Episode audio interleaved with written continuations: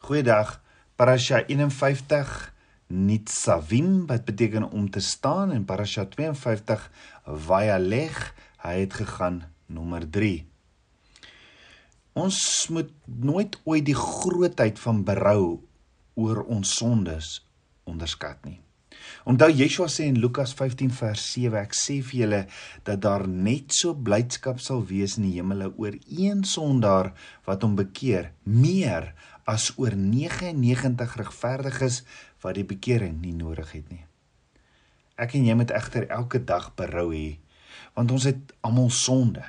Niemand is so heilig en regverdig dat hy nie berou het nie.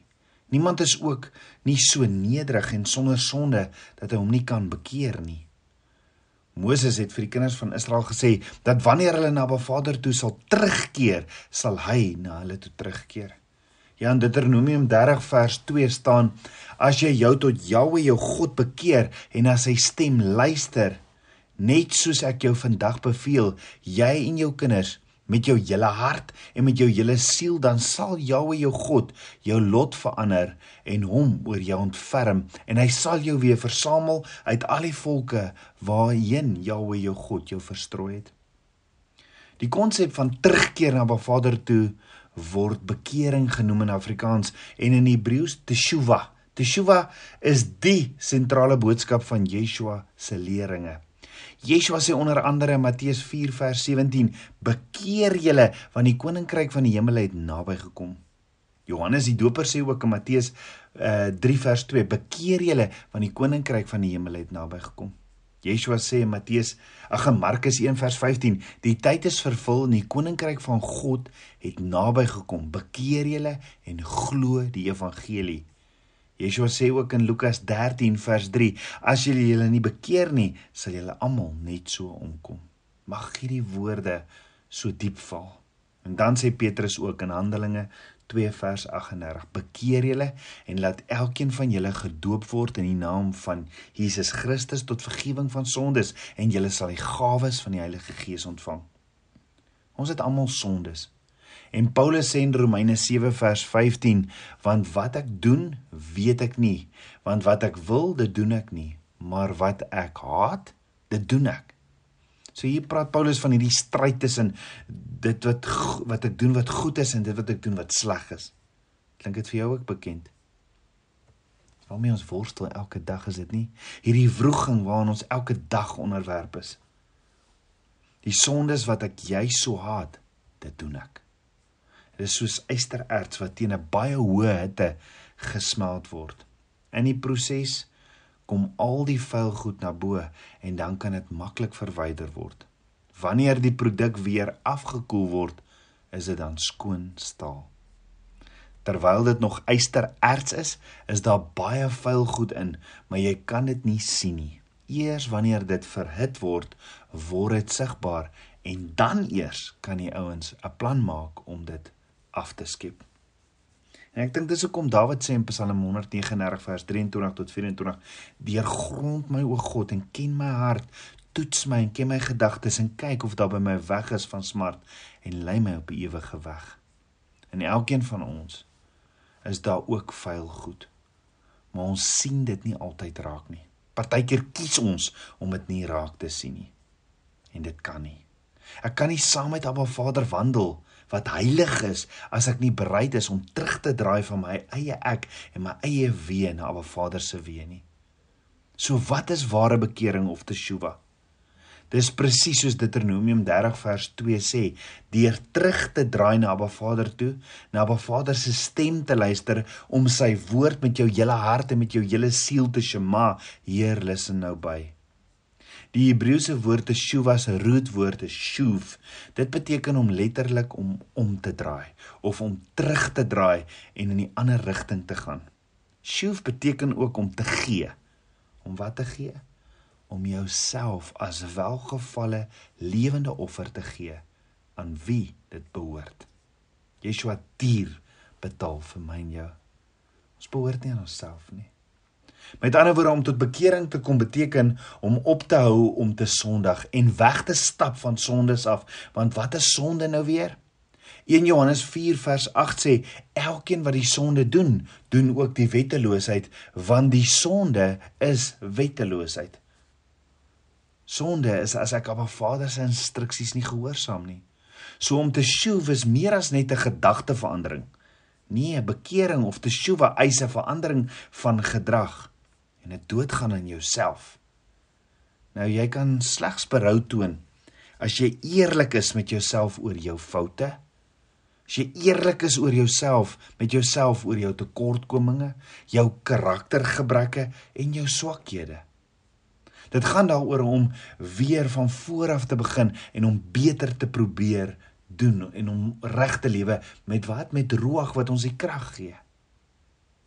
Bekering vind plaas wanneer iemand besef dat hy gesondig het en dat sy sonde van Abba Vader wat heilig is aanstootlik is. En jy dadelik berou het daaroor.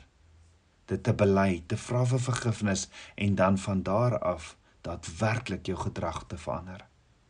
Ons dien egter 'n good good Vader want Abba Vader ontvang opregte berou. Ja, Abba Vader, draai nie weg van iemand wat in Yeshua se naam vergifnis vra en ernstig probeer om te verander nie volgens sy weë te lewe nie. Abba Vader, vergewe en Psalm 103 vers 12 sê, so ver as die ooste verwyder is van die weste, so ver verwyder hy ons oortredinge van ons. Ja, Abba Vader, verwyder ons sondes en ontvang ons vrylik weer terug in sy liefdevolle arms. Die persoon wat regte berou met sy hart en siel toon teenoor Abba Vader en in in die naam van Yeshua vergifnis vra word onmiddellik weer met Abba Vader verbind. Dis asof asof 'n ligskakelaar omgedraai word. En waar daar duisternis was, is dit is die vertrek weer gevul met lig. Of jou sondes het kort tevore tussen jou en Abba Vader gestaan en na waarlike diepe opregte berou staan jy by of in die teenwoordigheid nou van Abba Vader en niks staan meer tussen jou en Abba Vader nie. Maar wat doen die vyand? Die vyand kom fluister egter in ons ore: "Nee, hoorie, Abba Vader sal jou nie weer vergewe nie. Hoe durf jy hom om vergifnis vra? Hy sal 'n persoon soos jy nooit kan vergewe vir dit wat jy gedoen het nie."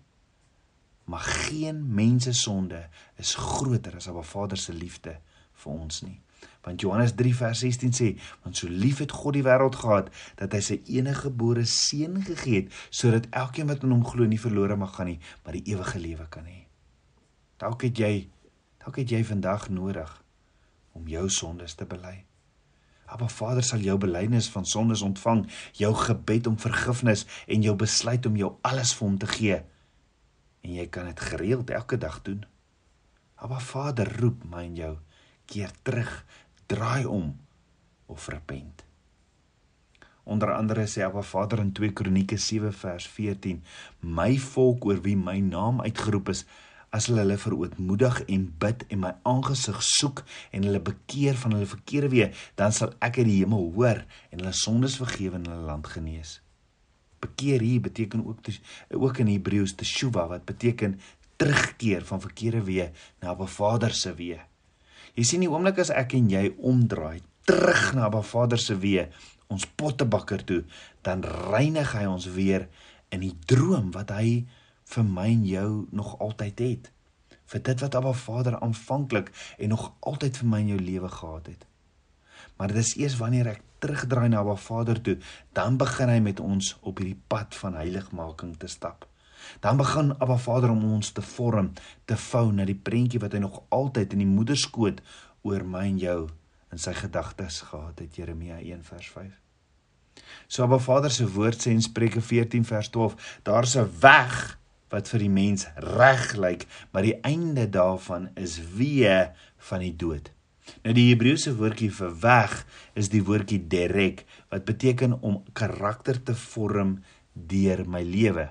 Met ander woorde, daar's 'n karakter wat in my gevorm word wanneer ek in die wêreld is.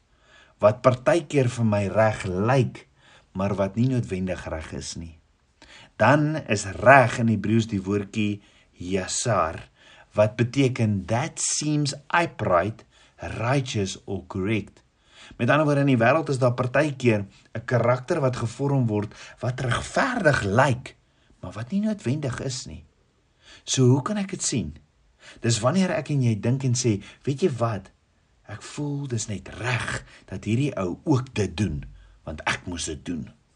Of ek voel dis net regverdig as hierdie ou hierdie ou ook daardeur moet gaan want ek het of dis wanneer ons hierdie gevoel van regverdigheid in 'n situasie het en hoor gegaan my en jou gevoelens stel nie punte nie maar Vader se woord is regverdig en is ons enigste riglyn en is die enigste skeidingsmuur wat daar is so daar's 'n weg wat reg lyk want Roof maak sy eie prentjies op van wat hy dink regverdig is of nie Met ander woorde, daar's 'n morele karakter wat gevorm word in my wandel in die wêreld wat soms so regverdig lyk, maar die teksvers gaan verder.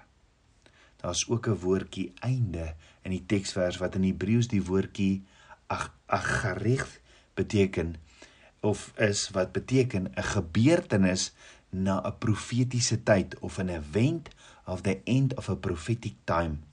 Met ander woorde, die woord sê daar's dinge wat reg en regverdig lyk soos wat my karakter gevorm word in die wandel in die wêreld, maar aan die einde van hierdie tyd van my lewe lei dit tot die dood. Die woordjie dood in Hebreëus is die woordjie mabeth en beteken a place where I am destroyed. Destroy is die woordjie maga. Maga beteken I find myself in a place where my name is blotted out from the book of life. Met ander woorde, ek kan nie my eie riglyne maak van wat reg en verkeerd is nie. Nee, ek moet gebruik maak van die woord van Abba Vader, die Allerhoogste. Ek moet Abba Vader se woord gebruik om te sê maar hierdie is reg en hierdie is verkeerd en nie wat Roel voel of dink nie. Nee, net Abba Vader se woord. Want daar kan dinge wees waar ek kan redeneer en wat vir my so regverdig kan voel en dan kom ek op hierdie einde van my tyd van my lewe en waar Vader se woord sê alles is opgeskryf in die boek van die lewe. Psalm 139 en ek kom aan die einde van my lewe en ek sien my naam is uitgedelg uit die boek van die lewe Maar Vader se woord sê verder self geregtigheid is soos veilappe en die veilappe waarvan Jesaja praat is ou maanstondlappe van 'n vrou. Jesaja sê onregverdigheid lyk soos ou maanstondlappe voor Abba Vader. Hoekom gebruik Jesaja hierdie lelike prentjie? Omdat vuil bloed my en jou nie kan red nie. Nee, dis net deur die bloed van die lam wat my en jou kan red. So mag ons terugdraai na Abba Vader toe weg van onsself regverdigheid en mag ons die klei in ons pottebakker se hande wees waar ons sê Vader kom vorm my en vou my mag ons as bruid van Yeshua heilig wees afgesonder wees net vir Abba Vader dit nadat Abba Vader ons gereinig het met die waterbad van sy woord sodat hy sodat sodat hy ons voor hom kan stel verheerlik sonder vlek of rimpel of iets dergeliks maar dat ons heilig en sonder gebrek sou wees. Mag my en jou naam opgeskryf wees in die boek van die lewe wat nog altyd Abba Vader se droom vir my en jou lewe is. O tabernakels kind van Abba die bruid en die gees roep egter uit kom Yeshua kom Kom ons bid saam. Aba Vader, my pottebakker, ek loof en prys U. Vader, ek wil terugdraai na U toe. Weg van my eie trots, my eie selfgereg regverdigheid en en ek wil net U klei wees in U hande. Vorm my, vou my, was my skoon met U woord. Vorm my, Vader, volgens U droom vir my lewe. Ek wil U bruid wees, Yeshua. Blaas U asem binne my, vul my met U olie en kom leef U droom deur my. Bid dit alles in Yeshua Messie se naam, die seun van Jahweh. Amen. Shalom.